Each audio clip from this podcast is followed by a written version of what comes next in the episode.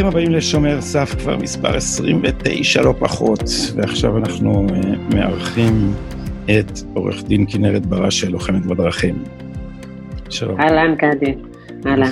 ואפילו עכשיו ממש הלוחמת בדרכים, כי את לא יכולה להגיע הביתה בגלל ההפגנות, אז את יושבת על הרצפה, ספרי לנו איפה. בממ"ד של אמא שלי. הילדה שלי בחוץ, בת חמש וחצי, שאמרה שהיא לא תפריע לנו באמצע. ומחזיקה את אה, הטלפון בין הברכיים בפילאטיס. נכון, נכון. טוב, אז טייק שני, כי היה לנו בעיות קליטה. אז הפעם בואי נתחיל אחרת, בואי נתחיל מהאישי. איך הגעת אוקיי. לכל המלחמות האלה? באימא שלך. כאילו, וואו, אני מסתכל על זה, אני אומר, איך עוד היא, איך היא עוד היא הולכת בינינו? קודם כל, אני לא יודעת, לי קשה מאוד ללכת ביניכם בתל אביב. זה מאוד קשה להיות, לעשות את מה שאני עושה, ובאמת להסתובב אה, ברחבי תל אביב, אבל התחלתי... אז זה אומר שאת מפחדת מה... לא, לא מפחדת, זה לא המונח הנכון. זה אומר שאת סובלת מהתל אביבים. זה לא מה שהתכוונתי. התכוונתי איך את מתהלכת בינינו בניגוד, נגיד, ללהיות אה, עצורה על תום ההליכים ב-2035. אמ, אני חושבת שהם היו מאוד שמחים לעשות את זה. אני חושבת שמאוד היו שמחים לעשות את זה. אני פשוט לא מספקת להם את המספיק חומרים לעשות את זה. למרות שמה שמנדלבליט עשה בימים האחרונים עם אותה מפגינה מחוץ לבית של ליעד בן ארי, מוכיח לי שהוא איבד את זה לגמרי. זאת אומרת שיכול להיות שהוא מסוגל. אני מקווה שהוא לא ירחיק לכת ויעשה את זה. תראי, בדיחות כאלה מסתובבות בימין הרבה זמן. אה, אני בינתיים, אני לא חושב שעושים משהו לעיתונאים, אבל אני אגיד לך, כשלקחו את הטלפונים של עוזרי ראש הממשלה, מסביבי אנשים התחילו למחוק את הוואטסאפים. אמרתי, נכון. אשכרה, אתם חושבים שכאילו, אתם עיתונאים, אתם אשכרה חושבים שישלחו שוטר לקחת לכם את הטלפון? זה אפשרי במדינת ישראל, לפי דעתך? ברור. למחוק את הוואטסאפ, ברור, כאילו? ברור, אין ש... מה זה למחוק? להשמיד את הטלפון? בלי גיבוי. לא, כי תראה, לדוגמה, לי יש חיסיון, לא לי, החיסיון הוא לא שלי, עורך דין לקוח. המקורות שלי, אני דואגת שהם, ש, שאני אני העורכת דין שלהם. אני העורכת דין שלהם, והחיסיון הוא שלהם, אי אפשר לגעת בהם. אבל אנחנו הגענו למצב די מטורלל, גדי, ש, שמערכת אכיפת החוק בפרקליטות חושבת שמותר להם הכל. באמת, באמת, באמת, שם חושבים שמותר להם הכל, ואני לא אתפלא אם ייכנסו גם לטלפונים של עורכי דין, ויקחו להם חומרים אה, בנושא הלקוחות שלהם, ואם... אני לא, אני לא אתפלא. אתה שואל אותי אם אני נוקטת בזהירות? מאוד. אה, לא. אה, כי הרי כבר אה, הבן של אלוביץ' בחדר התייעצות עם עורך דין, הקליטו אותו. עוד מעט יקליטו גם בהתייחדות. כאילו, זה, את יודעת, אני לא מזמן נתקלתי עוד פעם ב, אה, בסולג'ניצין, באיזה, באיזה הקשר אחר, אתה אומר? ו, כאילו, אנחנו עוד לא שם, בוא לא, אני לא רוצה להישמע כמו כל דבר סטלין היטלר, אבל יש פה איזו שחיקה ממש בביטחון שלך, בזה שהמערכת משחקת בכלל לפי כללים, כי מה מבדיל בין טוטליטריות לשלטון החוק? אם אני חוזר לשיחתנו, לניסיון הנפל שלנו הטכנולוגי לקיים את השיחה הזאת לפני עשר דקות, ש, ששלטון החוק זה, ואני משתמש בנוסח של האבות המייסדים של אמריקה, הם אמרו בביטוי היפה, שלטון של חוקים, לא של אנשים. אצלנו לעומת זאת חושבים ששלטון החוק זה שלטון אוכפי החוק. ו-what do you know, חיש קל, זה נהיה אוכפי החוק. מעל החוק, כי אתה מסתכל, אתה אומר, את מכירה פרשות הרבה יותר אה, ממני, הרבה במספר וגם בעומק, אבל אתה מסתכל על מה שהכי בולט לי בתור אזרח. רות דוד, רבאק, רבאק, תפסיקו להגיד לנו שהיא במשפט. אתם הסחתם את דעתנו זה לעניין הזה עם רונל פישר, בסדר, אחרי שהיא עזבה את הפרקליטות, אבל היא סגרה את התיק של השחיתות ב, ברשות המיסים, בתוך, אה, מה, מה זה, 48 שעות, ו, ואחרי זה גרסו את, את כל החומר ורדפו את האנשים שהלשינו, איפה, כאילו, איך, איך הדבר הזה, למה, למה לא, אה, למה אין הפגנות? אה, בעניין הזה. למה אנחנו לא מפגינים את זה? למה אני ואתה, לדוגמה, ש, ש, שיודעים את המקרה הזה, ומכירים את רפי רותם, ומכירים את שוקי משעני, ויודעים את כל הסיפור הזה, ואגב, זה לא גרסו את התיקים, ביערו, שרפו, שרפה, שמו נפט, הדליקו, באמת. אבל מה, תראו, מה הסיבה הרשמית? וזה, זה... מה הסיבה הרשמית? מה הם אומרים? טעות? הם לא אומרים. לא, הם לא אומרים. זה העניין, גדי, שהם לא מסבירים. זאת אומרת, אם עכשיו אתה היית, לדוגמה, משמיד ראייה, כי התיקים האלה זה ראייה, ומה שהם עשו זה השמדת ראייה, זה עבירה מסוג פשע, זה פר אקסלנס, זה חמש שנות מאסר. אז אם אני או אתה היינו משמידים את הראיות, אני ואתה היינו עומדים לדין. לא רק שהיינו עומדים לדין, גם היינו מורשעים, וסביר מאוד להניח שהיינו מקבלים מאסר בפועל. או שלכל הפחות הפרקליטות הייתה מתעקשת שנקבל מאסר בפועל. אבל רות דוד זוכה להגנה של שי ניצן ושל מנדלבליט. אה, עוד רבים וטובים, יש גם, יש גם פרקליט בכיר שהרג הולך רגל, לא עמד לדין. אתה יודע שהסרטון של השחזור של אותה, אותה תאונה, אתה רואה בשחזור שהוא מנווט את השוטרים מה הם צריכים לעשות בתוך השחזור, החשוד. עכשיו... מה, מה זה אומר? איך הוא יצא? בואי בוא נתעכב על זה רגע אחד. מה, מה בדיוק היה שם? אה, רוצה שנגיד לא לכאורה? אני לא, עזוב, אני לוקחת על עצמי את האחריות הזאת, כי אני כבר אה, אומרת את זה הרבה זמן, ו... ואתה יודע מה, ואם הם יתבעו אותי על דיבה, אז יכול להיות שהם יצטרכו לפתוח את התיק. אז אולי זה שווה, אתה יודע, אז אולי זה... לא, אם יתבעו אותך דיבה וזה יהיה בפודקאסט שלי, אנחנו נגיע ל... זה יהיה לי פרסומת מעולה, כן. סוף סוף תפסו את כנרת בראשי, וזה אתה עשית. כל הכבוד. בטוויטר נורא, יש אנשים שמאוד ישמחו להגיד, פייק ניוז, פייק ניוז כנרת בראשי. אמ, אבל... אמ, אז היינו בפרשת הדריסה. כן, אז, אז, אז, אז הוא טוען שהוא התפרץ לכביש, ויש מי שטוען שהוא טס בכביש והוא בכלל היה עם, עסוק בטלפון, ולא בדקו את הטלפון כמובן, ועוד כל מיני דברים, ובדקו את השטח, והביאו חוקר פרטי מטעמם, חוקר תאונות מטעמם, מטעם המשפחה שבדקה ואמרה זה לא הגיוני בכלל, מה שהממצאים שלהם הם לא הגיוניים לזירת התאונה, וסגרו את התיק הזה, כן, סגרו את התיק הזה בחוסר אשמה. אמ, את יודעת, בפרקליט, אני, אני גדלתי עם האנשים האלה. אני חלק מהאנשים שמאיישים את הבניין בסלאח א-דין, פשוט היו איתי בבית ספר, שזה הבית ספר של האליטה בירושלים, לידה, וזה אנשים, חלקם עם תחושת שליחות מאוד מאוד uh, עמוקה, uh, שמרגישים ש... שלטון החוק באמת בסכנה, ושהוא, ושאנשים כמונו, כמוני וכמוך, אבל גם כמוני קצת, אה, ש, שתוקפים אותם בלי סוף, בסדר, אומרים, לפעמים יש, יש תקלות, יש תקלות בכל מקום, אבל אתם לא מבינים שמה שאתם עושים זה אתם אה, מפרקים את היסודות ששומר על הסדר החברתי. מה, מה את עונה? חלק מהאנשים האלה אומרים את זה בכנות, אני בטוח. אני, אני מאמינה להם. אני מאמינה להם כי הם גדלו בחממה שהם מעל החוק. זאת אומרת, הם גדלו בחממה ש, אה, שמדינת צלאח א-דין, זה כבר לא מפלגה, זו מדינה כבר, שמדינת צלאח א-דין זו, זו, זו, אה, זה, זה, זה מדינה שמותר לאנשים שם לטעות, כשהטעות, ש, ש, כשהם עושים את זה, זה טעות, וכשהאזרח הפשוט עושה את זה, זו עבירה חמורה. עכשיו אני אגיד לך משהו. אני חושבת ש... קודם כל, כשאנחנו אומרים שלטון החוק, בואו נעשה רגע סדר, שלטון החוק זה גם אומר, מצד שני זה גם אומר שוויון בפני החוק.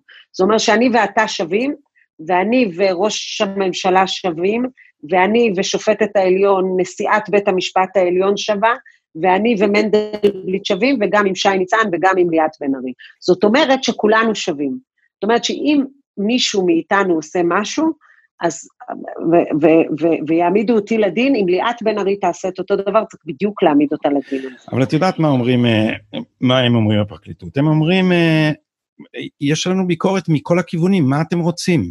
אה, אלה מאיתנו שדורשים דורשים משהו כמו הילה גרסטל, שיהיה גוף ביקורת עם שיניים. הם אומרים, יש לנו את הביקורת של השופט רוזן, יש לנו, בתי המשפט מבקרים אותנו, יש מבקר המדינה, יש התקשורת, מבקרים אותנו מכל הכיוונים, מה עוד אתם רוצים? אני לא, אני לא מסכימה עם זה, את הפרקליטות אף אחד לא מבקר, הפרקליטות גם לא מבקרת את עצמה, הפרקליטות טופחת לעצמה כל הזמן על השכם. התקשורת לא מבקרת את הפרקליטות, ממש לא.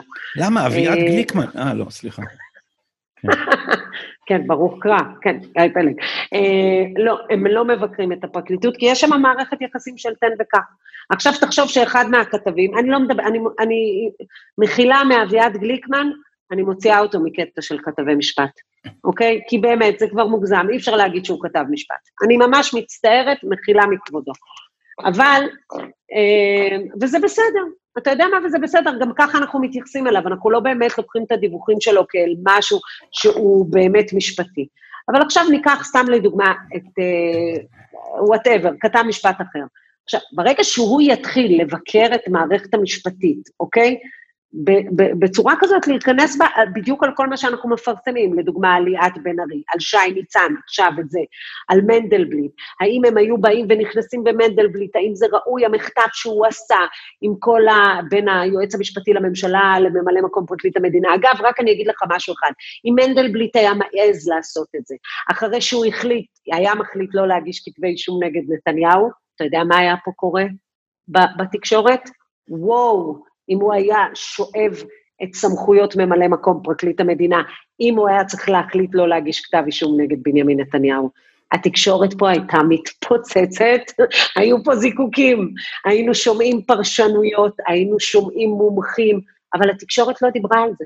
היא לא דיברה על זה. בית המשפט העליון אישר את זה, אז איזה ביקורת יש על הפרקליטות? התקשורת לא מדברת, התקשורת לא הסכימה לדבר על כל מה שקורה עם ליאת בן ארי. התקשורת לא מדברת על מה שמנדלבליט עשה, התקשורת לא דורשת, לא דורשת את המיצוי של ההליכים עם אותם אנשים, מהסיבה המאוד פשוטה, היא מפחדת, אותם כתבים מפחדים ממערכת היחסים של תן וקח. מחר, מחרתיים, רק אביעד גליקמן יביא את הסיפורים, כי הוא באמת מביא את כל התחום של ה... הוא, הוא, הוא, הוא רק הוא מדבר את, את מנדלבליט ממש, לא, זה לא, זה לא, זה לא, זה לא עיתונות בעיניי, כן? וכמו שאני מבינה מה עיתונות, עיתונות אמורה לכתב ולהביא לנו ולהעיר לנו את כל מה שקורה. היא לא אמורה לדווח רק מה שקורה, היא אמורה גם לשאול את השאלות. סתם דוגמה, קראתי את תמר אלמוג, מכאן 11. ואני מכירה את תמר עוד מהתקופה שאני הנחיתי תוכנית, בשנים הנחיתי תוכנית בערוץ אה, אחד, עוד לפני התאגיד. אני קוראת ואני לא רואה פה עבודה עיתונאית, אני רואה פה דוברות. למה דוברות? היא מדווחת מה, ש, מה שאומרים לה, מה, מה שהדוברות של הפרקליטות הוציאה. אז היא מעבירה את זה עכשיו לתמר אלמוג, ותמר אלמוג פשוט כותבת את זה. אולי תשאלו את השאלה. שאלתי אותה, הפניתי את זה. אמרתי, אולי תשאלו את השאלה.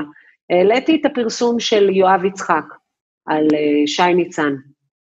אף אחד לא מדבר על זה בתקשורת. אז בואי תדברי על זה כאן, כדי שמי שממאזיננו לא מבין מה זה. כן. אז יואב יצחק מפרסם, ואגב, גם ג'וש, גם ג'וש פרסם את זה בעיתון הארץ, שהשופט רוזן התחיל... ג'וש בריינר. כתב, אתה מבין? כתב, באמת, אני אומרת את זה אמיתי לגמרי. אה, זו דוגמה לכתב. אז הוא מביא את הדבר הזה, לא בגלל הספציפי הנקודה הזאת, אלא באופן כללי, כי אני עוקבת אחריו גם. אז יש פרסום שבאמת אה, שי, אה, השופט רוזן בוחן האם שי ניצן שיבש חקירה בעניין של המפכ"ל לשעבר דנינו, כשבהיותו מפכ"ל, האם הוא העביר לו חומרים של החקירה כדי להכין אותו לחקירה, כדי לשבש את החקירה, אה, אה, וגם ג'וש הביא את זה, וגם, אה, ולפניו הביא את זה יואב יצחק. זה נשמע כל כך דומה למנדלבליט ואשכנזי, לא? יש עוד הרבה כאלה. ואז, ואז בא יואב יצחק ומביא עוד נדבך ואומר, לא רק, לא רק שיבוש, אלא יש גם שני עדים שמדברים על זה. שניים שמדברים על זה מתוך המערכת. והתקשורת לא מדברת על זה. עכשיו, בוא, אנשים, הוא עשה את העבירות לכאורה האלה בהיותו פרקליט מדינה. זאת אומרת, זה צריך לפתוח מהדורות, לא ההפגנות בבלפור שכבר אנחנו יודעים שהן הפגנות פוליטיות. אני קיבלתי במקרה מייל ממרץ, אני לא יודעת מי שעוד אה, היה חבר במרץ, עוד מקבל מיילים. אז אתה מקבל מייל ממרץ, נראה אתכם. אתה קורא את, אה, את אה, ברביבאי, אתה קורא אותה בטוויטר, נראה אתכם במוצאי שבת בבלפור. בבלפור. אז הפגנות עצמאיות זה לא, זה הפגנות פוליטיות. אז את זה אתם מסקרים, זה בסדר לסקר את זה, אבל אתם לא דנים בנושא בואי, הזה? בואי, מסקרים, בדיוק אני התכסחתי עם ג'וש בריינר, ש, שעליו דיברת, ממש כסח, כי, כי, הם, כי הם מה זה מסקרים? הם משתתפים, הם, הם המגפון כן. של, ה, של נכון. ההפגנות, הם באים, הם מארגנים אותם, זה כאילו... אה, אה, אה, הצגה שלמה. אבל אז יגידו לך, השופט רוזן, הנה, השופט רוזן רוצה לחקור את עניין שי ניצן ודנינו, וזה באמת מה שאמרו לי, אני לא רוצה... מכרי בפרקליטות, אמרו, הנה, יש את השופט רוזן, זה התפקיד שלו. מה ההחלטה של השופט רוזן? מה ההחלטה של השופט רוזן? מה השיניים של ההחלטה? כלום. זהו. הוא יכול להגיד. ואת זה אמרה לי, את זה אמרה לי חברה שהיא, שהיא עורכת דין פלילית. היא אמרה לי, בתי המשפט, הפרקליטות מצפצפת על, על רוזן, מפני שא', היא לא חייבת לו, היא לא חייבת למסור לו שום דבר, וב', היא אומרת, היא אומרת, אתה עומד בבית משפט, ואתה אומר, אבל אתם לא יכולים לעשות דבר כזה, כי הנה השופט רוזן, אמרה, ההחלטות של השופט רוזן לא מחייבות אותנו, אומרים לו נכון. נציגי הפרקליטות. נכון. אז נכון. הייתה, אז הייתה, ניסו לבנות גוף שכן החלטותיו מחייבות. אבל אתה יודע, לא, אבל אתה יודע את מי כן זה מחייב? את מי? את מי זה אמור לחייב? אנחנו. תקשיב, אנחנו גם רדומים קצת. בוא, אנחנו שמובילים את הקו הזה, בוא, אני אגיד גם כן את זה, למרות שאני התעוררתי, ואני, הנה, אני מובילה עוד איזה משהו, אנחנו קצת רדומים. בוא, אנחנו כותבים ציוצים נורא יפים, אני מוסיפה שגיאות כתיב כי אני דיסלקטית, אתה כותב נורא יפה. אה, אני גם דיסלקט. אני גם דיסלקט. אבל בוא, אתה דוקטור עם תעודות. זה עוד יותר מביך להיות דיסלקט. כן. אז, אה, אז אתה יודע, אנחנו כותבים נורא יפה, ואנחנו רוצים להציף דברים, ואנחנו מביאים את זה גם בהוכחות, עזוב שאנחנו מביאים הוכחות, ואז אומרים לי, תסיימי את התואר השני שלך, אחר כך נדבר, כאילו זה קשור למה שאני כותבת, אבל אז מה, אז... אבל זה מה שאנחנו עושים. אנחנו לא עושים כלום. אז אנחנו צריכים להגיש תלונות על סמך המסמכים שיש לנו, אנחנו צריכים להגיש עתירות לבית המשפט העליון, אנחנו צריכים לפנות לרוזן, אנחנו צריכים לפנות ופשוט מאוד להתחיל לעשות עבודה. אגב, שכת רק לא ביבי עושה בצורה מעולה. היא עושה את זה בצורה מעולה. יש להם צוותים שלמים של עורכי דין, של אנשי מדיה, יש להם הרבה מאוד כסף שם, והם פשוט מאוד מטרילים את המערכת. לדעתי באיזשהו שלב גם המערכת כבר נותנת החלטות רק שיעזבו אותם בשקט. אבל הם נותנים עבודה, תסתכל מה הם עשו עם יאיר נתניהו. אבל, אבל אני, קודם כל אני עיתונאי, אז אני לא, אני, אני לא אקטיביסט במובן הזה, אבל גם לו הייתי אקטיביסט, הייתה לי איזה בעיה עם זה. כי מכיוון למה? שאני לא רוצה, שאני לא רוצה שבית המשפט יחליט הכל בעולם, אז אני לא רוצה לעתור אליו. לא, לא, אבל אתה לא יכול, לא, אבל אתה לא יכול להגיד, אני לא רוצה שבית המשפט יחליט הכל בעולם. זה נכון, הוא לא צריך להחליט הכל, אבל אם יש מישהו שעובר עבירה, בית המשפט הוא שזה שצריך לדון בזה. נכון, אבל אם זה עניין פוליטי, אז אני לא. לא, אז אני לא רוצה לערב את בית המשפט, הוא כבר מעורב יותר מדי. אבל הנה, אנחנו לא מדברים על עניין פוליטי עכשיו, אנחנו מדברים בימים האחרונים אה, על הפרשה שאת חשפת. אה, כן. עניין, אה, עניין אה, הבית, הדירה בראש העין של ליאת בן ארי, וראיתי איזה צייצן מתווכח איתך או עם מישהו אחר, איזה צייצן אגרסיבי כזה שאמר, רבאק, המדינה מתפרקת, נאשם, שלושה כתבי אישום, ומה אתם מתעסקים? בזה שליאת בן ארי פתחה עוד דלת בין שני חדרים, בחייכם, איפה אתם חיים? תסבירי לנו למה זה... למה זה? כי, כי קודם כל, בואו נתחיל מזה שזה לא רק דלת. עבירת בנייה היא החלקיק הקטן בתוך כל המסה הזו. המסה הזו כוללת בחובה, טומנת בחובה גם את העבירת מרמה, לכאורה, לכאורה, שליאת בן ארי הרי רכשה בית בראש העין במסגרת עמותה, והיא התחייבה שהבית הזה הוא בית מגוריה, ולמעשה היא קנתה, זאת, זה רק למגורים, האזור הזה והעמותה הזאת, הם מכרו בתים רק למגורים. בגלל זה המחיר של הדירה, של הבית היה זול. וליאת בן ארי לקחה את זה, ועשתה מזה בית להשקעה. עכשיו, היא לא הסתפקה רק בדירה אחת להשקעה, היא גם הוסיפה יחידת דיור בפני עצמה, והיא משכירה, היא משכירה ב-7,500, או ב-7,500 או ב-7,000, ואת הדירת מרתף היא משכירה ב-3,500 ש"ח. עכשיו, השאלה, עכשיו תראה, יש פה, איך מדווחים על דירה לא חוקית? היא חייבת במס, בגלל שביחד זה יוצא יותר מחמש וחצי. איך מדווחים על דירה לא חוקית? לא יודעת, יכול להיות שיש פה העלמת מס. עכשיו, אם את לקחת את הדירה, חתמת על חוזה שאת מקבלת בית בזול, ואת חותמת ואת מתחייבת שזה בית המגורים שלך, וזה לא בית המגורים שלך, אלא זו דירה להשקעה, מה זה אומר? זה אומר קבלת דבר במרמה. אז זה קבלת דבר במרמה, ויכול להיות עבירות מס, אז ההוספת דירה שלא כדין זו עבירה, עבירה פלילית, אבל במדרג זו עבירה, זו עבירה פחותה.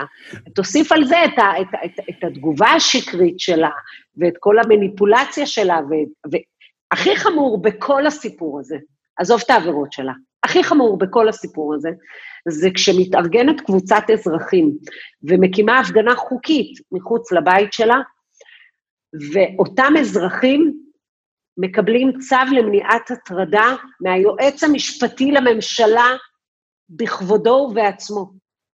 מרחיקים את האזרחים האלה קילומטרים מהבית שלה, ונותנים להם לעשות רק הפגנה שקטה ורק חמישה אנשים בחושך פעמיים בשבוע. אז עזוב אותי מעבירות כמו חיסול הדמוקרטיה, כי אם מקודם דיברנו על הפגנות ואנחנו בעד הפגנות, ואנחנו רוצים שיהיו הפגנות במדינה דמוקרטית, ושאף אחד לא יספר לנו שיש הבדל בין נבחר ציבור לאיש ציבור. בית המשפט העליון קבע באופן חד משמעי, אין הנחות לאישי ציבור. אין הנחות. למשרתי ציבור, כן. למשרתי ציבור. כן. כן, זה היה בגלל מנדלבליט, כן? אתה זוכר את ההפגנות, אותם אנשים שמפגינים בבלפור, אותם כן, אנשים. אותם אנשים שאומרים שלא צריך להפגין, לא, לא אה, אה, מול ביתו של עובד ציבור, רק כשנבחר ציבור. אבל גם בנוסף לזה, זה לא היה הדבר שבין אותי הכי הדהים בכל הפרשה הזאת. מה שאותי הכי הדהים היה שהפרקליטות, אה, או היועץ המשפטי לממשלה, עכשיו מנסה להתערב כדי למנוע מעיריית תל אביב, סליחה, כדי למנוע... עיריית ראש העין. נכון, כדי למנוע מנבחרי אה, הציבור בעיריית ראש העין להורות לתביעה להגיש כתבי אישום במקרה של ליאת בן ארי, ומה הטענה? הטענה היא עצמאות התביעה. מה הטענה הזאת בכלל? בואי תסבירי לאדיוטות שאיננו יודעים משפטים. עצמאות התביעה, תראה, לתביעה צריכה להיות עצמאות שלא תהיה לה, לא תהיה לה השפעה פוליטית, כמו במקרה של בנימין נתניהו שיש השפעה פוליטית. אז חשוב מאוד שלא תהיה השפעה פוליטית. אה, הלוואי, אגב, ומנדלבליט היה מאמץ את זה באמת על מה שהוא עשה פה, אבל זה דבר מאוד חשוב, זה עיקרון מאוד חשוב שאני מאוד מכבדת אותו. אה, אבל פה אין השפעה פוליטית, יש נבחר ציבור בשם חנוך, אה, איש שפועל למען הציבור בראש העין בצורה בלתי רגילה, והוא בא ואומר, אתם גונבים מהציבור שלנו, מראש העין, אדמה, ואתם עושים פה מה שאתם רוצים. הציבור, ילידי מקום ראש העין, משלמים קנסות על עבירות כאלה, ומקבלים כתב אישום פלילי, וליאת בן ארי לא, אני רוצה בבקשה להבין למה יש אפליה כזו. זו השאלה, אפליה. שלטון החוק, עקרון השוויון, דמוקרטיה, ואז נשלח מכתב בהול, אתם לא תערבו עצמאות התביעה. אתה יודע מי זו התביעה הזאת שאומרת לנבחרי הציבור בראש העין עצמאות התביעה? זה אלה שאחר... וזוהי ביניהם, ליאת בן ארי. זו אותה חשודה. תקשיב, זה, זה, זה פסיכי, גדי, לא נעים לי להגיד לך את זה. זה, זה נראה לי כמו הסצנה הזאת מהקוסם מארץ עוץ, שכאילו, את זוכרת את הסצנה הזאת שכאילו יש את ההצגה של הקוסם, ואז הם מזיזים את הווילון ורואים את האיש הזקן שמפעיל את זה, את הקוסם מארץ עוץ, ואז האיש הזקן אומר, דרך המיקרופון של הקוסם מארץ עוץ, תתעלמו מהאיש מאחורי הווילון. זה, זה ממש ככה, כאילו, מה הם... עכשיו, אם, זה, אם כל זה נכון, אם, אם, אם יש פה איזה חור שלא הבנתי בטיעון, אז אני לא יודע, אבל אם הבנתי נכון, זה לא דבר שאפילו תחת האוליגרכיה המשפטית שאנחנו אה, נאנקים, נאנקים תחתיה, אה, אפילו היא, בבית משפט זה יעבור הדבר הזה, שכאילו יש מישהו שמותר לו לעשות עבירות בנייה ומישהו שאסור לו?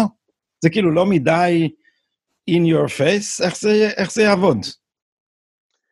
אני חושבת שאני אני ביקשתי, אני מודה, כן, אני חושבת שצריך להגיש נגד ליאת בן ארי אה, תלונה לראש אח"ם, צריכה להיפתח חקירה. אה, אגב, מה שעשה מנדלבליט פה במקרה הזה בעניין ראש העין ומה שהוא עשה בעניין המפגינים, זה דבר שצריך להטיס אותו מהמקום שלו, באמת. אני משתמשת בביטויים הכי ברורים בעולם, ואני ממש מצטערת שאני לא משתמשת בשפה המאוד מאוד גבוהה לפנות את כיסאו, אלא כי זה צריך להיות הרבה יותר מלפנות את כיסאו. אה, ויש פה שימוש ציני, בלתי חוקי, במוסד, במוסד, היועץ המשפטי לממשלה זה מוסד, זה לא מנדלבליט. זה נורא מזכיר לי, סליחה שאני ככה חותכת והולכת, זה נורא מזכיר לי את פרשת קצב. אמרו, איך נעמיד נשיא מדינה לדין בעבירות אונס, אנחנו פוגעים במוסד. אמרתי, מה איך אתם פוגעים במוסד? המוסד זה מוסד. הוא אדם שנכנס לתוך המוסד. הוא לא המוסד, הוא אמנם מייצג לזמן מסוים את, את, את המוסד הזה, אבל הוא לא הופך להיות המוסד, המוסד לדורות. היועץ המשפטי לממשלה זה מוסד שהוא אה, עומד בראש התביעה, זה לא... אנחנו חייבים להבין את זה, הוא מתערב, הוא, הוא, הוא יורד ללמטה ומתערב, הוא שולף את הדברים שלא מתאימים לו ולא נוחים לו נגד האנשים שלו. אגב, הוא הבוס הישיר והעקיף של ליעד בן ארי. אתה מבין מה, מה נוצר פה? הוא גם הוא הבוס הישיר מק... והעקיף של עצמו. זה כן, הסוד. נכון. הוא, הוא עכשיו בדרגת, אה, בדרגת באמת שאנחנו אומרים, אתה לא סגן של אלוהים, אז הוא בדרגה שהוא כן סגן של אלוהים בזמן הזה, כי, כי אף אחד לא יכול עליו. אף אחד לא יכול עליו. הוא סגן אלוהים וממלא מקום אלוהים. בבת אחת. את יודעת, היה מאמר של שלמה אבינרי בהארץ לפני, אני לא זוכר כמה שנים, שם המאמר היה די לריכוזיות, אם מישהו רוצה למצוא אותו.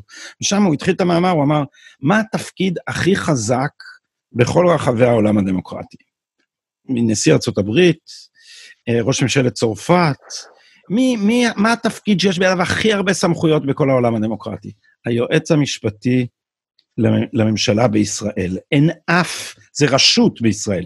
אין דבר כזה בשום מקום בעולם. עכשיו, נוסף לזה, זה כמובן שני תפקידים. עזבי שעכשיו הוא גם ממלא המקום של עצמו. כאילו, עכשיו אין מי שיגיש כתב אישום נגד מנדלבליט אם הוא במקרה רוצח מישהו, חס וחלילה וחס, הוא לא רוצה, אבל כן. נגיד, אין מי שיגיש כתב אישום נגדו, כי הוא... עכשיו, הוא מראש הדבר הזה שהיועץ המשפטי לממשלה הוא גם הסנגור וגם הקטגור של הממשלה. זאת אומרת, הוא גם זה שיגיש כתבי אישום נגד השרים, אבל הוא גם זה שמייצג אותם בבית משפט, זה דבר מופרך בשיטת משפט אדבר, אדברסריאלית, אין ולא יכול להיות דבר כזה. נוסף לכך, הפכו את הייעוץ, את העצות שלו למחייבות, ונוסף לזה נתנו לו מונופול, כלומר, אסור לשרים לקחת להם, עכשיו כבר התחילו לשבור את הדבר הזה. אמיר אוחנה שבר את זה, אה, השר אופיר אקוניס עקף את זה, אבל באופן עקרוני אלה היו הפסיקות של בית המשפט, שגם יש לו מונופול על ייצוג הממשלה, עד כדי כך, שתסלחי לי שאני חוזר באוזנייך על דברים שאת יודעת, אבל לטובת גם אלה שמאזינים לנו, בפרשת דרעי פנחסי, מי שילך לקרוא את זה, זה פשוט, זה פשוט דבר שלא יהיה תואר מה שאמרו שם. אהרן ברק הפריד בין ראש הממשלה הקונקרטי, שהוא לא כזה חשוב, לבין מוסד ראש הממשלה, כפי שאמרת רגע. וראש הממשלה הקונקרטי, יש לו דעה בתור אדם פרטי, אבל זה לא חשוב. הדעה של מוסד ראש הממשלה מיוצגת על ידי היועץ המשפטי לממשלה, וכך קרה שיצחק רבין לא יכול היה להביע את עמדתו בבית המשפט. כי היועץ המשפטי שייצג אותו חשב הפוך ממנו, כלומר שצריך לפטר את דרעי ופנחסי. אז אין, הדבר, גם לפני שמנדלבליט עשה את התרגיל ה... לא, אני חושבת שמנדלבליט... רשימה הזה, כן, שהוא נהיה, שהוא לא. גם ממלא מקום פרקליט המדינה עכשיו. אה, לא, אבל מנדלבליט, מנדלבליט עשה פה מקפצה. מנדלבליט, זאת אומרת, אם אהרון ברק, אה, אם אהרון ברק ככה השתלט על המערכת המשפטית ברמה כזאת שהוא קרא לזה שהוא הפך את זה כאילו למערכת של אוקיי, יש חוקים, אבל אנחנו נגיד לכם איך, איך מפרשים את החוקים, אתם לא יכולים לדעת ולצפות מראש, והוא קרא לזה אקטיביזם שיפוטי, ואז... לא, הוא קרא לזה פרשנות תכליתית. אקטיביזם שיפוטי, אני שמעתי אותו אומר לא מזמן שהוא לא יודע מה זה. אה, היה אוקיי. ראיון, היה ראיון, היה ראיון, גם, תשמעי, זה מסמר שיער ברמות. אומרים לו, בית המשפט הוא לא יותר מדי אקטיביסטי? הוא אמר, אני מצטט, זה ציטוט לא מדובר פרפרזה, הוא אמר, אני לא יודע לגמרי למה מתכוונים כשאומרים אקטיביזם שיפוטי. השופט הכי אקטיביסטי בעולם, כן. כן, אתה יודע למה, כי כש, כשהוא כולל את המהפכה, אז אספו כמה אה, מלומדים מהעולם כדי שיאדירו את המהפכה, אוקיי? שיאדירו אותה. ואז עם השנים שהתקדמנו ויש לנו גישה לנתונים בעולם, אז אנחנו מבינים שבאמת המומחי משפט בעולם לא מאדירים את המהפכה הזו ורואים בה סכנה דווקא. אבל אני חושבת שמנדלבליט ניסה להגיע לרמה הזו.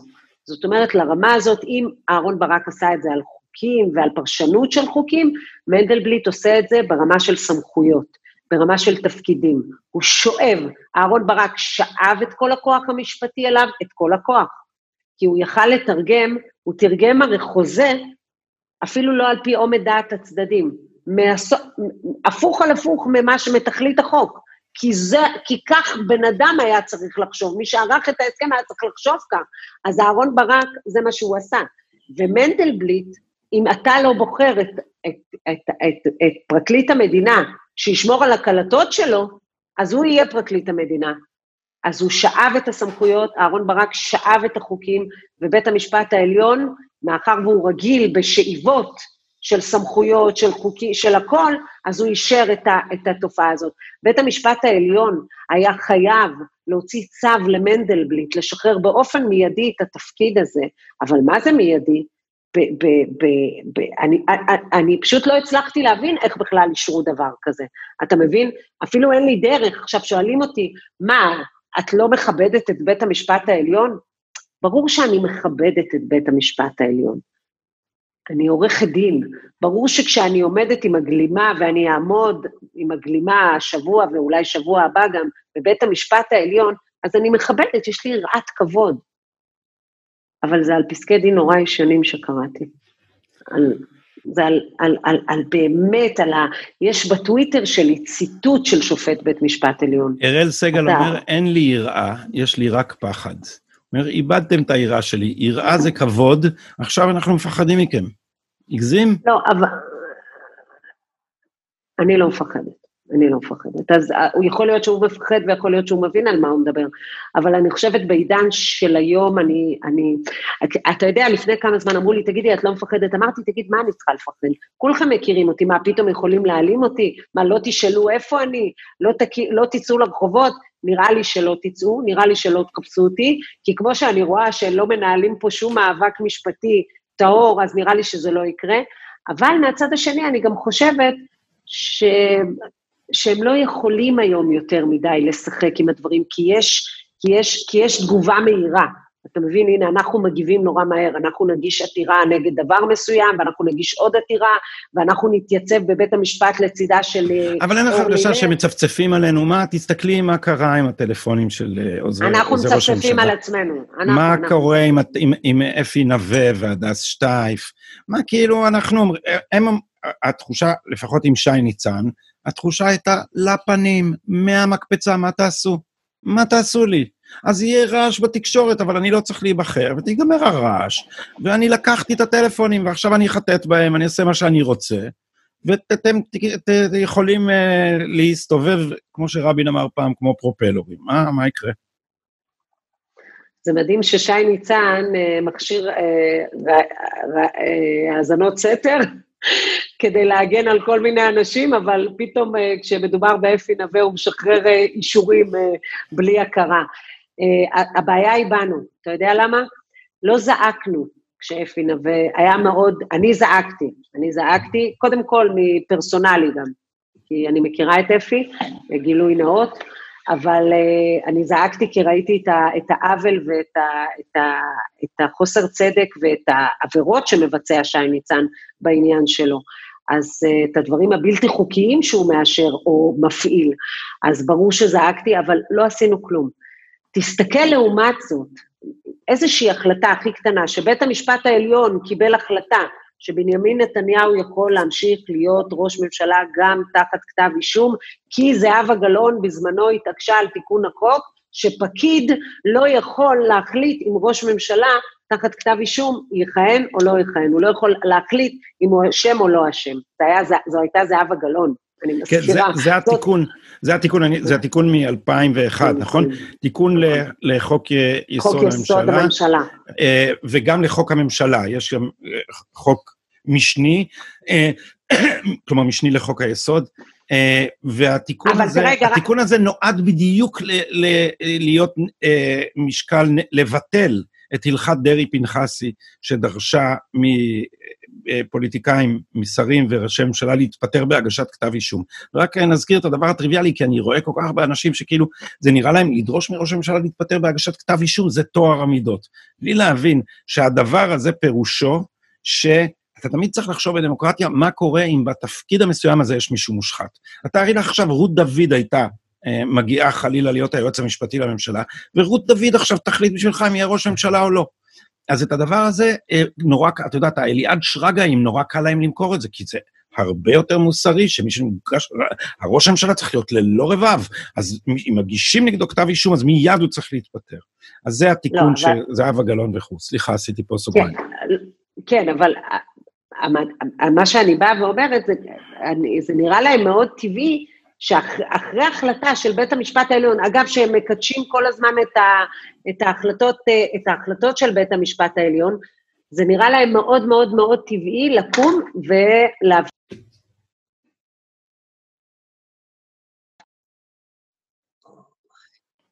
אתה? אתה איתי? נגע, כן, אבל נגעת במשהו, אז זה ירד, כן. כאילו, אוקיי. אז, אז אה, מה, מה, מה שאני אומרת, זה נראה להם מאוד מאוד טבעי להפגין נגד החלטה של המערכת המשפטית, כי בית המשפט העליון הכשיר את העובדה שביבי יכול לכהן תחת כתב אישום. אבל היום הם מפגינים נגד ההחלטה הזאת, הם לא מפגינים, ההפגנה לא צריכה להיות ליד מעון ראש הממשלה. הם מפגינים נגדך שהצבעת לביבי, הם מפגינים נגד בית המשפט העליון שאישר אותו, הם מפגינים נגד זהבה גלאון שיצרה את התיקון חוק הזה. אז אני לא מצליחה להבין למה אני תקועה היום בירושלים. זה מה שאני לא מצליחה להבין. כי ההפגנה לא צריכה להיות פה ב- באזור הזה, היא צריכה באמת להתחלק. ואם כבר מדברים ורוצים להפגין נגד שחיתות, ואתם רוצים שפקיד, שעננה כבדה מאוד מרחפת מעל ראשו, שנקרא מנדלבליט, אתם רוצים שהוא יחליט שבנימין נתניהו אשם, זאת אומרת, זה מה שהם החליטו, כי הם לא מבדילים בין מה זה נייר שכתוב עליו בן אדם עבר עבירות, לבין פסיקה סופית. זאת אומרת, אין להם את ההבנה הזאת, חוץ מההסתה שאותה הם מקבלים מתוך, קודם כל, הם יונקים הרבה שנאה. אני יודעת את זה, אני באה משם, גדי. אני מודה. אני באה מהמקום הזה שמאוד שנא, שמאוד היה לו קל לשנוא את בנימין נתניהו ואת יאיר נתניהו. אני באה משם, אני שמעתי דברים והיה לי מאוד קל לשנוא. ואפשר לראות את זה בצי... בפייסבוק שלי מלפני שנה. כאילו, איזה, איזה פוסטים קשים אני כותבת.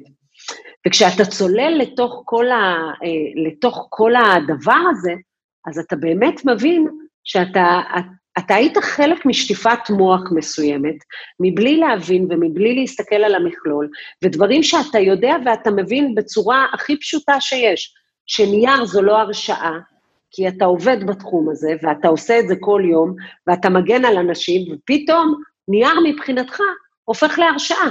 אליעד שרגא הוא עורך דין, זה שכל היום רק מגיש עתירות כאילו תנועה לאיכות השלטון. אליעד שרגא הוא פוליטיקאי.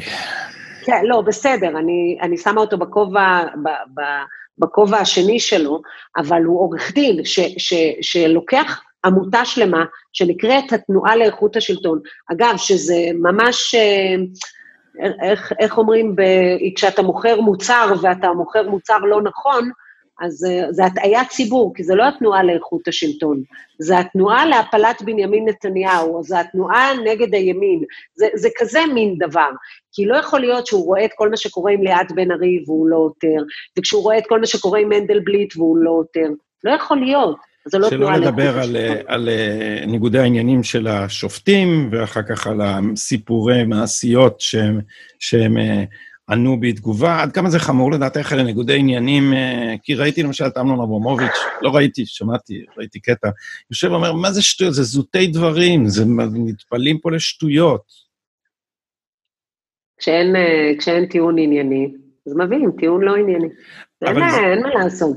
אני, אה, בוא נחשוב אחרת, אוקיי? אז נטפלים לזוטות בכתבה של וואלה סלב. נטפלים לזוטות בסיגרים ושמפניה. למה על זה לא נגיד זוטות? כי זה מפיל רו את בנימין נתניהו, כי זה אמור להוציא את בנימין נתניהו מהשלטון, זה אמור לקעקע את הרצון של כל הבוחרים של בנימין נתניהו. אבל אני אגיד לך, זה, זה יותר מהימין. יש פה, יש סיבה לזה שהאנשים האלה נלחמים בשחיתות רק כשהיא בפוליטיקה. אה, ולא. כשהיא במערכת המשפט. וזה לא מרחיק לא מעבר לימין ושמאל. זה מרחיק מעבר לימין ושמאל, כי המטרה היא הפוליטיזת, המשפטיזציה של הפוליטיקה.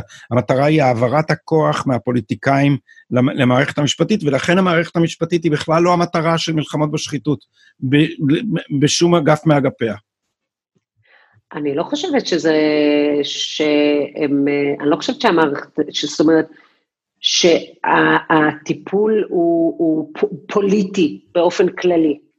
הוא פוליטי לכיוון אחד, אני לא חושבת שהוא פוליטי באופן כללי. אני ממש לא מסכימה עם זה. ואז אומרים לך, ש... אז אומרים לך, הנה אולמרט, אה, אולמרט זה סיפור אחר. אולמרט זה סיפור יפה, גם אני חושבת, זה נכון.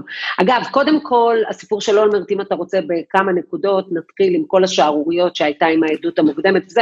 אני כתבתי מספיק על אולמרט, ואני חושבת שהוכחתי את זה, וזה גם נמצא ברשת החברתית, שאולמרט באמת לא היה צריך להיות מורשע, ואם כבר הרשיעו את אולמרט, אז היו יחד איתו צריכים להרשיע את אורי מסר. אוקיי? כי אחרי הזיכוי, מה היה? השתמשו בקלטת של שולה זקן. שולה זקן בקלטת הזאת מדברת גם על אורי מסר. אתה יודע מי זה היה אורי מסר? בעלה של אחמן דידי מסר. היא הייתה המשנה לפרקליט מדינה. אז אה, בואו נבין למה אורי מסר נעלם, התפוגג. אין אפילו נגדו כתב אישום, אוקיי? זה חלק מההנחות סלב שלהם. אבל אה, מה, ש, מה, מה היה עם אולמרט? הנה, אני בירושלים, אני ממש רואה מפה את הולילנד. כל עיוור רואה את הולילנד. עיוור רואה את הולילנד. חיפשו, חיפשו, השאירו, מה שעושים במערכת המשפטית, בונים תיק על פוליטיקאים. וכשאולמרט מינה את פרופסור פרידמן להיות שר משפטים, כשפרופסור פרידמן, תקשיב, אתה הופך אותו, הוא לא, אתה לא יכול למצוא אצלו קבלה לאוטובוס. לי, בדיוק, שהוא חייב למישהו. נראה לי סרגל לקום מה, מהאיש הזה. אז, אה, אז הוא מינה את פרופסור פרידמן, ופרופסור פרידמן אמר, המערכת הזאת חולה, היא חייבת רה-ארגון מחדש, גם במערכת בבית משפט עליון, במינויים, בזה שחבר מביא חבר, בזה שאנשים ראויים לא נכנסים לתוך המערכת כי הם לא מיישרים קו עם האקטיביזם השיפוטי של אהרן ברק. אז פה המערכת ישר הביאה את כל הדבר הזה נגד אולמרט.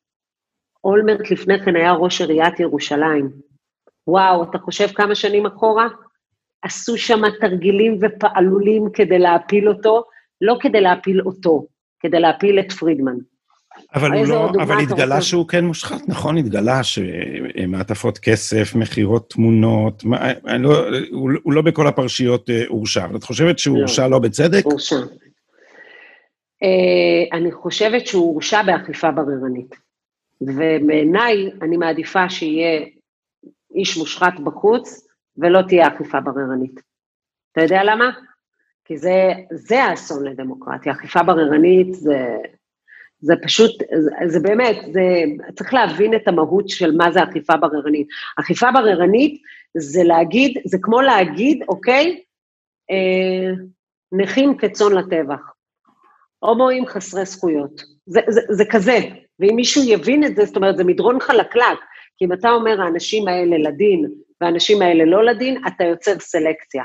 וסלקציה זה הדבר הכי נורא שיכול להיות. ואם היא מתחילה במערכת המשפטית, היא תיגמר ב, ב, ב, בזכויות, והיא תיגמר ב, בהרבה דברים רעים. זו רעה חולה. וזה שיקחו את זכות הבחירה מהג'ינג'ים.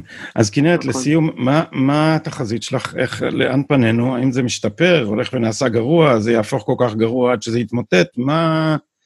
לאן זה הולך? אמ, וואו, אין לי תחזית.